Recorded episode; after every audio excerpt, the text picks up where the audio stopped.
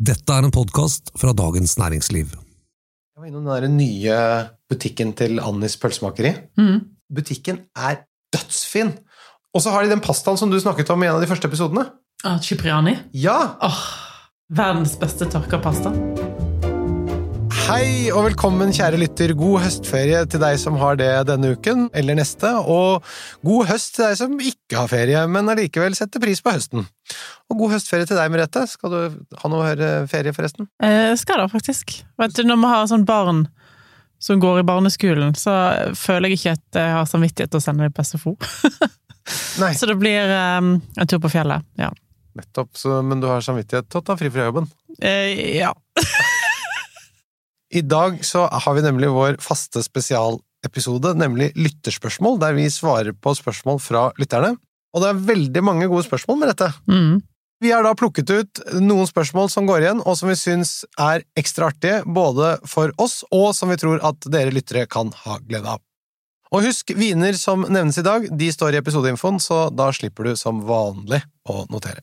Er det ikke bare å kjøre i gang, da? Jo, absolutt. Første spørsmål fra Håkon, og det handler om dåp. Mm.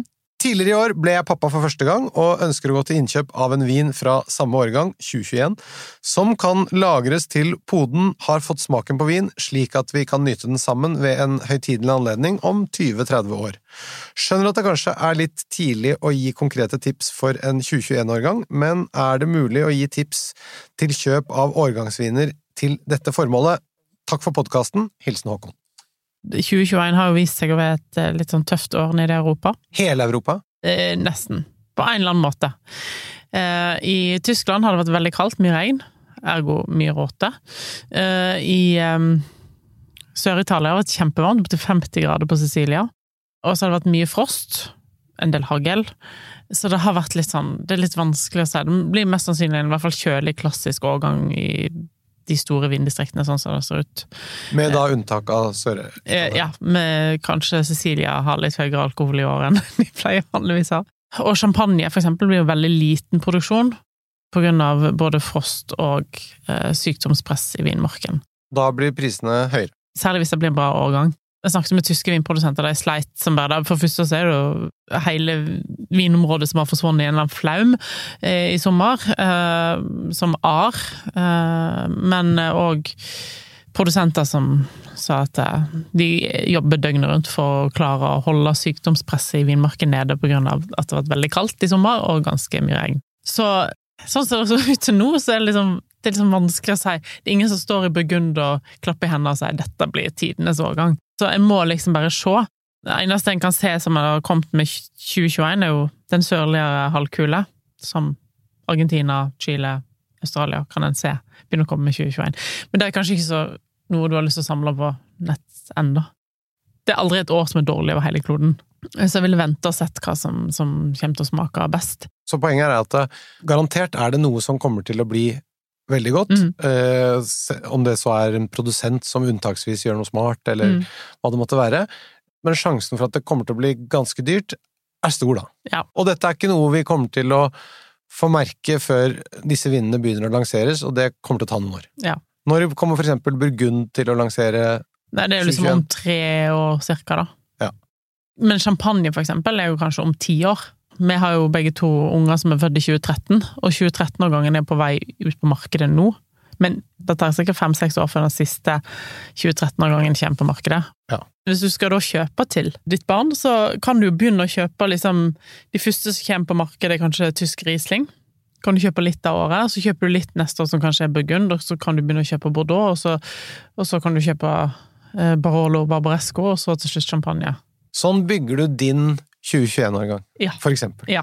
Ok, Håkon, så da håper jeg du har fått litt flere perspektiver å ta med i betraktningen, men det korte svaret er vent og se. Ja, kunne bare sagt det.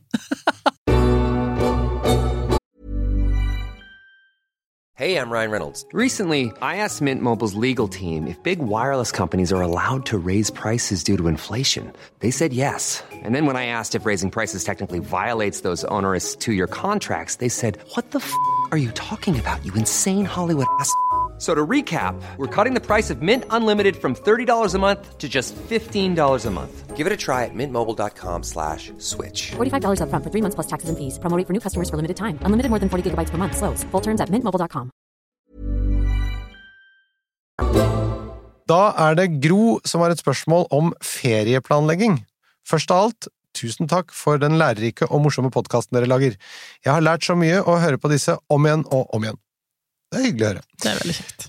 Vi er to familier som planlegger ferie til Italia, eventuelt Frankrike neste år. Vi kunne tenkt oss å bo på en vingård med bademuligheter i området, egentlig hvor som helst. Her er det smiletegn med blunking. Eh, har dere erfaring med det, og har dere et par steder å anbefale? Med vennlig hilsen Gro. Ja. Altså, i Toskana så er det vel i hvert fall mye bassenger. ja. I hvert fall tenkt meg litt om før jeg har tatt med unger på sånn vinferie. For jeg har gjort det sjøl, men da er det sånn én dag vin. Ikke, ikke to uker med vin, for det, det kan være litt kjedelig for deg.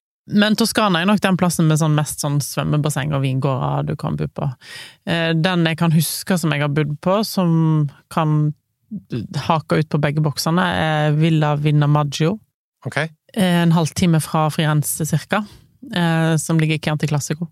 Fantastisk svømmebasseng og både restaurant og har alt, og lager decent vin. Angivelig så er dette gården til foreldrene til Mona Lisa. Oi! Så angivelig så er det der hun ble malt. Av Leonardo da Vinci. Men det er jo et godt salgstriks òg, så jeg, jeg, skal ikke, jeg skal ikke stå her og påstå at det var det som var sannheten, men det er det de sier.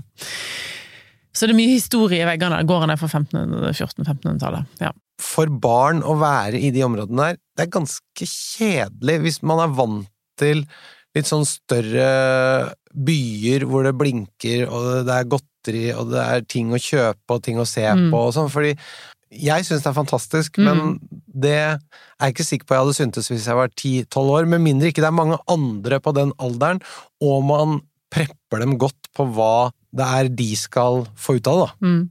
Ja, altså, jeg hadde med ungene på, på ferie til Italia i 2019. Tre uker. Amalfikysten, Roma, Napoli, Capri. Alt. Altså, det var ingen badeland. Ingen fornøyelsesparker. ingenting som helst. Eh, og min eh, sjuåring sier da at hun glemmer aldri den ferien. Det var helt fantastisk. Hun syntes det var fantastisk. Ja. Men jeg tror at du endrer eh, lokasjon ofte. Eh, men at de syntes at Roma var helt fantastisk. Og det hadde jeg ikke forventa det. Det er ikke noe basseng i Roma, for å si det sånn. Så det er fullt mulig, men jeg tror du må liksom At noen ting nytt skjer. Ofte nok. Og så må du ta dem med på restauranter som du liksom bare nå skal vi ete. Den første pizzaen Her ble den første pizzaen laget. Altså, du forteller en historie rundt hvorfor du er der du er. Hvis en tenker Pimonte òg, så er det masse fine hotell der, som ligger midt i vinmarken med svømmebasseng og alt. Du trenger ikke akkurat bo på en vingård. Nei. Og så kan du besøke vingårdene rundt omkring. Ja, Og både Piemonte og Toskana så bør det være greit. Det er verre å komme inn på de store, kjente slottene i Bordeaux, for eksempel. Ja, skal en reise til Bordeaux, så ville jeg absolutt ha bodd i, i Saint-Emilion, eller rett utenfor Saint-Emilion, som er en fantastisk liten landsby. Eh, og jeg må bare legge til én Det er ikke basseng der, men det er verdens kuleste hotell. Og det ligger i Monforte di Alba. Casa del Saraca. Der har jeg bodd. Har du bodd? Ja. Åh, sant det er kult. Det er dødskult! Ja, og da tenker jeg sånn, det er et hotell som, selv om det ikke har svømmebasseng, selv om det ikke har lekerom, ungene syns det er kjempespennende. Og det som er gøy der, er at der har de jo en bar, og så er det jo en sånn Du kan gå inn en sånn der yeah, bak. hele baren og, og se på alle vinene de har, og de har masse gamle viner der. Det er nesten sånn eh, som et eh, hotell i en eller annen Disney-film eller Tolkien-film. Altså, det føles helt absurd ved det. Ja. Og så er det den der restauranten, hva er det heter for noe igjen? Centro Storico. Nemlig! Den må man jo på. Ja. I Serralunga. Ja, men det er jo så kult sted. Ja. Helt, ikke noe fine dining, helt avslappa. ja. Veldig kult. Og så har de jo Piemonte-viner i alle prisklasser. Og, veldig mye god champagne. Ja. Det har de også. ok, så eh, her er det mange muligheter. En del eh, innvendinger om eh, planlegging i forhold til barn herfra, noe som i denne podkasten egentlig ikke skal drive med. Men eh, vi kostet på oss å dosere litt om det likevel. Vi holder vel da en knapp først og fremst på Piemonte og Toskana? Særlig Toskana. Jeg tror det er det aller beste av de to. Sånn, nå må bikkja legge seg. Kom, sånn, gå og legg deg. Vi lager podkast, skjønner du. Stian her har to spørsmål. God dagen, Merete og Thomas. Jeg har to spørsmål. Det er en kjent sak at petnat og oransjevin er de unge hipsternes favoritt. Litt fordomsfull har jeg smakt ulike produsenter av begge, og synes petnat kommer særdeles dårlig ut. For mye saft! Tre utropstegn. Mens oransjevin har vært en aha-opplevelse. Tre utropstegn igjen. Anbefal noen gode oransjeviner! Ett utropstegn. Uh, uh, jeg må gå litt på produsent, da. Ja. Uh, jeg syns nok uh, for eksempel Koss på, uh, i, på Sicilia lager ganske gode eksemplarer av oransjevin. Ja. Du sa produsent R. Produsent R. Må tenke meg om. Camillo Donati eh, fra Italia. Som holder til hvor? Eh, Emilia Romagna, Ja. tror jeg. Eh, han eh, lager gode, gode oransjeviner. Ja. Eh, Nå er det sikkert mange jeg ikke kommer på i sånn i farten, men Ja. Men du fikk beskjed om å anbefale noen gode oransjeviner, og det har du gjort. Ja. Ok, Stian, da håper jeg du er fornøyd med det. Så kommer spørsmål nummer to fra Stian, og det er armensk vin. Jeg har en årrekke hørt at Armenia har noen av verdens beste viner. Om dette stemmer, gi meg de beste tipsene fra polet. Ja, altså armensk vin har jeg litt mer koll på, føler jeg. Der har jeg vært. Det fins vel bare, meg bekjent, én produsent på det norske markedet for Armenia, og den heter Sora. Soraha. og de lager òg ganske sånn naturvinaktig på leirkrukke på høgslettene i Armenia, som av armenske druer, hovedsakelig areni, som er den viktigste rødvinsdruen der. Når du står på hans eiendom, så ser du rett bort på Areni One Cave. Det er regnet som det eldste vineriet i verden, som er 6100 år gammelt. Der kan du gå inni og se på 6000 år gamle amfora, leirkrukker, som ligger fortsatt i jordet. Du ser 6000 år gamle druesteiner. Altså, alt er så godt ivaretatt, og det er en Altså, det er 4000 år før Pompeii. Altså, det føles, det føles så absurd å være der at jeg, det er kanskje noe av det største jeg har opplevd sånn yrkesmessig. Ja. Yes, kult. Og jeg vil si at de, han er absolutt verdt å teste ut. Jeg syns hans viner er helt eh, fantastiske. Ok, Stian, det var anbefalinger både av oransjeviner og av armensk vin. Eh, bare en liten rettelse. Du skrev du hadde to spørsmål. Det eh, var feil, du hadde to kommandoer. men de er nå levert på. Ok, så er det Vidar. Eh, han har spørsmål om lagring. Stor glede av å høre på dere. Kunnskapsnivået til dere begge er imponerende. Respekt. Når det beskrives ingen lagringsvin, hva menes med dette i tid? Tre til seks måneder, tolv måneder, og hvor lenge kan en rosévin lagre? Med vennlig hilsen Vidar. Jeg tenker all vin kan ligge i tolv måneder. Ja. Uansett, ja. herunder da rosévin. Altså, en enkel rosévin fra Provence da, blir jo ikke bedre etter tolv måneder. Man kan fint ligge i tolv måneder, men eh, altså, ikke sett den ute i solsteiken i tolv måneder. Da Under greie slash gode lagringsforhold, Ja. men du kan fint ha en vin i kjøleskapet i den perioden, Ja, ja, ja. Så det er ikke noe problem, men du vil ikke ha den for varm. Nei. Heller for kald enn for varm. Ja, mye heller. Det er jo det som er så fint, det er den årstiden vi nå går inn i. Både jeg og deg har jo en sånn liten vinkjeller bak i bilen. Helt riktig. Sånn, det er konstant vin i bagasjerommet, for at du gidder nesten ikke ta den ute. Altså, ja. Akkurat nå, så en liten periode, så kan den vinen få lov til å reise eh, i tolv grader. Mm. En annen viktig faktor når det kommer til lagring, er jo dette med eh, korken. Hvis det er skrukork på vinen, pass på at den ikke har fått seg et slag, for da Mm. blir det en åpning for oksygen, og da går det mye fortere. Mm.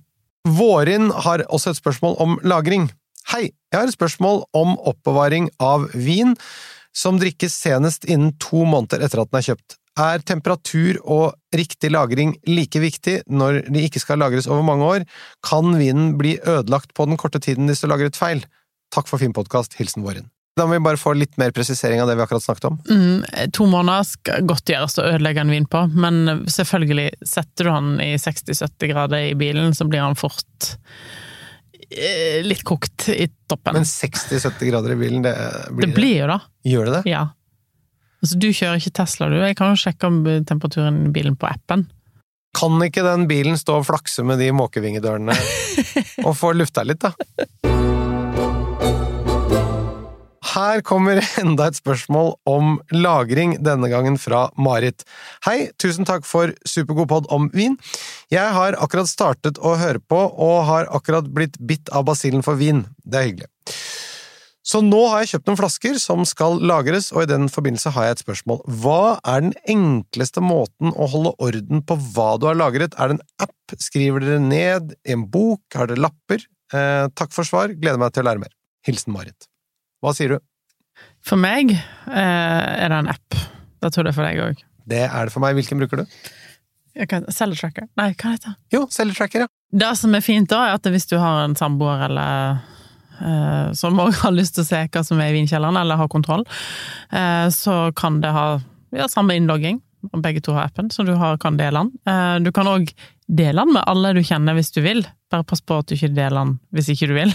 Men vær litt nøye med innstillingene der. ja. Hvis du legger inn navn, telefonnummer og adresse eh, på hvor du bor, og skriver at du har eh, masse ditt eller datt, eh, det er greit å tenke på. Men altså, det er Celletracker vi bruker, Mm. Som jeg må si er veldig bra. Mm. Den har masse fine funksjoner. Eh, Den er i utgangspunktet gratis, men du betaler bare det du har lyst til å bidra med, som jeg syns man skal gjøre. Jeg betaler tror jeg 1600 kroner i året, for det, det er det jeg blir oppfordra til, men du må ikke. Men jeg, synes, jeg er livredd for at den skal forsvinne. Jeg er helt enig med deg. Og så er det også den funksjonen at når du da drikker en flaske, så kan du bare Du må huske å ta flaska ut. Helt riktig. Så da kan du bare skanne den, og så tar du den ut av systemet. Mm. Og du kan også printe sånne små etiketter og sånne Hva heter det for noe? Sånne koder. Ja, det har jeg aldri prøvd. Ja, det funker. Du kan printe ut ditt eget vinkart, Det kan du også som er litt kult, når du har fått litt. Og du kan også sortere på når du bør drikke den vinen, når den er kjøpt, øh, og hva den kostet, og verdien, som er sånn Mm. markedsmessig anslått verdi, osv. Så, videre. så den har masse bra funksjoner. Selgertracker. Men litt treig. Det må vi Litt kunne si. Men så må jo reklamere litt for eget produkt her òg, da. Som ikke kan konkurrere med Celletracker, syns jeg, men fordi at det er liksom en kjellerfunksjon. Men vi har jo en sånn Du kan lage, lage dine egne lister inni vindatabasen til Dagens Næringsliv nå. Ja, Men kan du da si lager også hva du har? Ja, da kan du lage en liste over det du har, på en måte. Ja, topp. Eh, så, og du kan lage eksempel av 'Dette har jeg på hytta, dette har jeg hjemme', dette har jeg Ja. Jeg lurer på også om de snakket om at den Vinify, som da Hegnar Media Mm, er med å lage, også skal vurdere å lage en sånn funksjon. mm. Eh, Som da vurderer å lage en sånn kjellerfunksjon. Så, Men enn så lenge så er det vel Sellertracker som er det beste. Absolutt. Oddmund har et spørsmål om dyre burgundere. Hei! Hva Han skriver på nynorsk, så jeg leser da på nynorsk. Det er bra. Eh, hei, hva er grunnen til at folk kjøper en 90-91 poeng Burgund til 2000-3000 kroner, når du for eksempel får Hirsch Block 8 til 850 og 93 poeng? Kun på grunn av navn, eller er det høyere kvalitet? Med vennlig hilsen Oddmund. Bra spørsmål! Veldig bra spørsmål. Forbauser meg ofte at folk bruker 3000 kroner på en vin som er under paret, syns jeg, da. Fordi at den kommer fra en kjent produsent, eller fra en kjent vinmark, ofte helst. I den priskategorien her så er det ofte Grand Cru, men det er ikke sånn at en Grand Cru i Burgund er nødvendigvis bra. Selv om den Grand Cru koster mye penger. Det er vel kanskje der du kan gjøre mest bomkjøp i hele verden, vil jeg påstå. Men det er vel også noe med stilen, vinstilen, som man kanskje kunne tenke seg at eh, vet du hva, jeg liker den vinstilen. Det er en litt annen stil ofte Mm. på de som er laget i Burgund enn de som er laget i USA, og så er du villig til å betale litt mer for å få en vinstil som er sånn, selv om den er 90-91 poeng, enn du vil betale for en som er 93 poeng, en litt annen vinstil. Så det Mm. kan være personlig Personlig smak. Ja. Eh, dyr personlig smak, men eh, ja. Eh, Og så kan det være snobberi, og at man ønsker å liksom ha en, en statusvin. Men eh, det det jeg skulle si, var at eh, enn så lenge så har ikke California fått samme status som Burgund, og det skal vel kanskje litt til òg, men de er ikke så langt unna. Hirsch er en fantastisk vingård i California, så det er egentlig ingen grunn til at det Egentlig så burde den, helt ærlig, vært, dårlig, vært mye dyrere enn 800 kroner, når du ser hvor den kommer ifra. Og jeg må ærlig innrømme, jeg skulle gjerne gitt blindt en vin til 2000-3000 kroner, som da har fått 90 poeng, og mot da blindt en Hirsch, som er nevnt her, eh, hos en som vanligvis da bare kjøper Burgund, og spurt hva vedkommende foretrakk. Mm, definitivt. Ok, Da er det spørsmål fra Hans. Han ber om råd til en treretters. Som ivrig lytter av flere podkaster om vin, begynner man å få et visst grep. Mann, det antar jeg da er Hans i dette tilfellet. Men å sette sammen en god vinmeny til en treretter er ikke lett. Håper dere kan komme med noen tips som fins på de fleste pol. Menyen er enkel. Laksetartar med mango og avokadosalsa til forrett. Helgrillet indrefilet av okse med hasselbakkpoteter og kantarell og rødvinssaus. Og til dessert tilslørte bondepiker. Hilsen Hans. Ja, Det første jeg pleier alltid å spørre om dette, kan jeg jo ikke spørre om nå, men det er sånn, hva vil du betale for vinen? Fordi at eh, det er litt sånn vanskelig å Noen har, har Alle har, uansett om du er milliardær eller ikke, har en makspris oppi hodet sitt. Vi kan jo legge føringer for drue og område. Ja, altså Dette er jo en ganske fin meny, sånn sett at det er ganske enkelt å sette vin til land. Eh, Laksetatar, Riesling. Og kanskje med litt restsødme hvis den mangoen er veldig moden, Ja. eller? Uten tvil. Så her vil jeg gått for en fine herb. Du trenger ikke ha en kjempedyr Riesling her. Karteuserhoff sin Bruno Riesling med 12 gram sukker. Den har jeg nevnt mange ganger før. Koster 170 kroner. Eh, strålende vin. Så hvis du går for en feinherb her, så kan du også koste på deg bitte lite grann chili i den laksetartaren hans, hvis du har lyst til det. Absolutt. Og litt lime og koriander og sånn, hvis du vil. Nemlig. Så er det helgrillet indrefilet av okse med hasselbakkpoteter og kantarell rødvinsaus. Her er det jo så mye du kan velge mellom. Eh, eh, moden Bordeaux er jo en klassisk kombinasjon. Eh, Du, du har jo nevnt noen sånne veldig gode kjøp eh, fra Bordeaux. Blant annet så er det kommet en Bordeaux fra 2001 som heter Hot de Beausejour. Supermoden. 283 kroner. Den er på noe som idiotisk som heter tilleggsutvalget. Det betyr at polet ditt er nødt til å være enig i at du skal ta den inn. Altså, de tar den inn i hyllene sine på ditt lokale pol. Dette er såpass godt kjøp at jeg tror de fleste pol ville ha den i hyllene, og nå er det vel en tjuetalls pol som har den inne. Nå har jeg nettopp skrevet om den, så ting kan jo bevege seg litt fortere enn det en ønsker, kanskje, men eh, det er et veldig godt og modent kjøp. Og hvis en har lyst til å smake moden vin, som passer bedre til mat, syns jeg, enn fersk vin, så er jo dette eh, en gyllen mulighet, da. Så hovedsakelig så vil du lete i Bordeaux her. Du kan gå til Rioja, men jeg ville gjerne hatt litt sånn moden karakter på vinen. Men du har vel ikke noen Rioja-produsent som du vil anbefale som er moden, og som Jeg kan, nå har jeg lyst til å snakke? Jeg prøver å unngå å snakke om eh. Har du Få se på den tatoveringen der. Er det, hva, er det, hva er det står der? I love Men det er en unik vin, og jeg er Ja, så men dette har vi hørt! Det er greit, vi tar den inn på lista. Ja. Ok. Og Er det flere? så- så Bordeaux, Rioja og du vet hvem, kjære lytter, og andre områder. Weinert òg en produsent som jeg er veldig glad i, som Ja. ligger i Mendoza. Som har en som heter Carascal, som er tilgjengelig på veldig mange pol rundt omkring i Norge. Her har du flere alternativer til hovedretten din. Og så er det dessert tilslørte bondepiker. Det må jeg bare si. Veldig kul dessert. Veldig kul dessert. Ja. Det er så godt, og så er det Så lett å glemme midt oppi alt hvor man skal på en måte være cutting edge på det ene og det andre. Men for en klassiker, den er verdt å feire. Nå skal jeg si noe som er litt sånn, men det er jo en dessert en kan leke litt med, da. En kan leke litt med tilsørte bondepiker. En kan leke litt.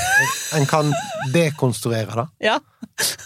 og en Jo, men en ting er hvordan du setter sammen retten, men hvis du tenker på de bestanddelene som er viktige i forhold til vinen, så er det jo at det er litt fett i kremen, og så er det en eller annen form for sødmegrad som du kan justere litt på selv, og så er det syrenivå som du også kan justere litt på selv, i forhold til om du tilsetter sitron, eller om hva slags modning eplene har, videre.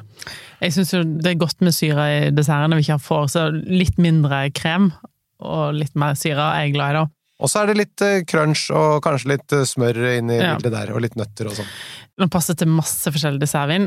Eh, jeg ville kanskje gått i retning mot den med edelråte. Sautern kan passe, men jeg syns kanskje det blir litt for rikt, så da jeg ville jeg ville reist til Østerrike, til Neusiedler C. Og til Rust, eh, en produsent som heter Heidi Schrøck, som lager et bredt spekter av dessertvin.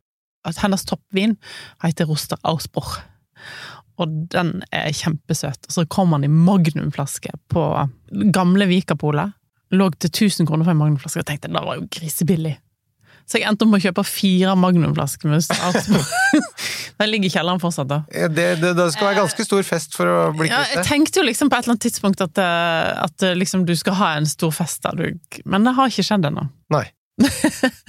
Hovedforskjellen, hvis vi skal bare si på en sautern og en sånn en, er kanskje litt mer syrenivå i hennes viner, Mm. og i tillegg ikke fatbruk. Hennes rimeligste er jo sånn 200-300 kroner for en halv flaske med bedre enn oss leser. Du, vet du hva, nå ser jeg vi har masse gode spørsmål igjen her. Vi rekker ikke alt i dag. Skal vi bare fortsette neste uke? Å, ja, selvfølgelig. Vi kan ikke gå glipp av alt dette her. Nei, men det er, det er mange bra spørsmål her, skjønner du. Mm, det er det. Ok, vi gjør det sånn. Kjære lytter, dette var omtrent halvparten av spørsmålene. Neste uke så er vi tilbake med enda flere gode spørsmål. Vi høres igjen da. Den nye Annis-butikken, hvor var den lå nå igjen? Den ligger nede i Barcode. Ja. Og så har de fiskedisk der, og de har bare villfanget fisk. Wow, så kult.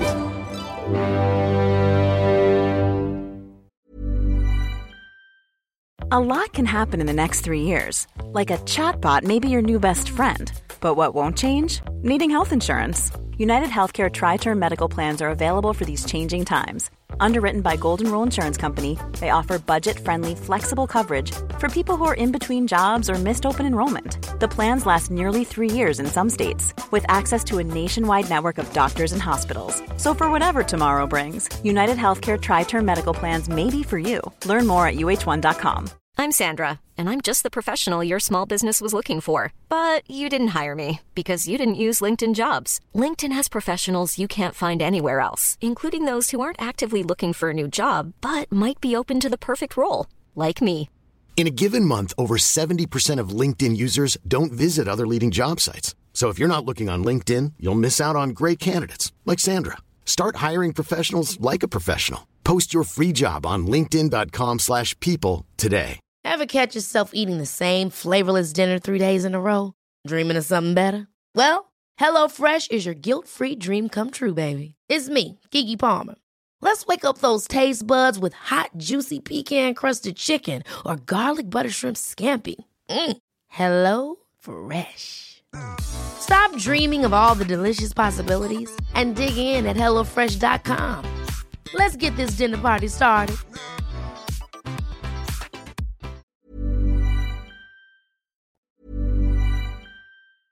Ever catch yourself eating the same flavorless dinner three days in a row? Dreaming of something better? Well, HelloFresh is your guilt-free dream come true, baby. It's me, Kiki Palmer. Let's wake up those taste buds with hot, juicy pecan-crusted chicken or garlic butter shrimp scampi. Mm. Hello Fresh. Stop dreaming of all the delicious possibilities and dig in at HelloFresh.com. Let's get this dinner party started. Hey, it's Paige DeSorbo from Giggly Squad. High quality fashion without the price tag. Say hello to Quince. I'm snagging high-end essentials like cozy cashmere sweaters, sleek leather jackets, fine jewelry, and so much more. With Quince being 50 to 80% less than similar brands. And they partner with factories that prioritize safe, ethical, and responsible manufacturing. I love that. Luxury quality within reach. Go to quince.com slash style to get free shipping and 365 day returns on your next order. Quince.com slash style. Mom deserves the best, and there's no better place to shop for Mother's Day than Whole Foods Market. They're your destination for unbeatable savings, from premium gifts to show-stopping flowers and irresistible desserts. Start by saving 33% with Prime on all body care and candles. Then get a 15-stem bunch of tulips for just $9.99 each with Prime. Round out Mom's menu with festive rosé, irresistible berry chantilly cake, and more special treats. Come celebrate Mother's Day at Whole Foods Market. Du har nå hørt en podkast fra Dagens Næringsliv.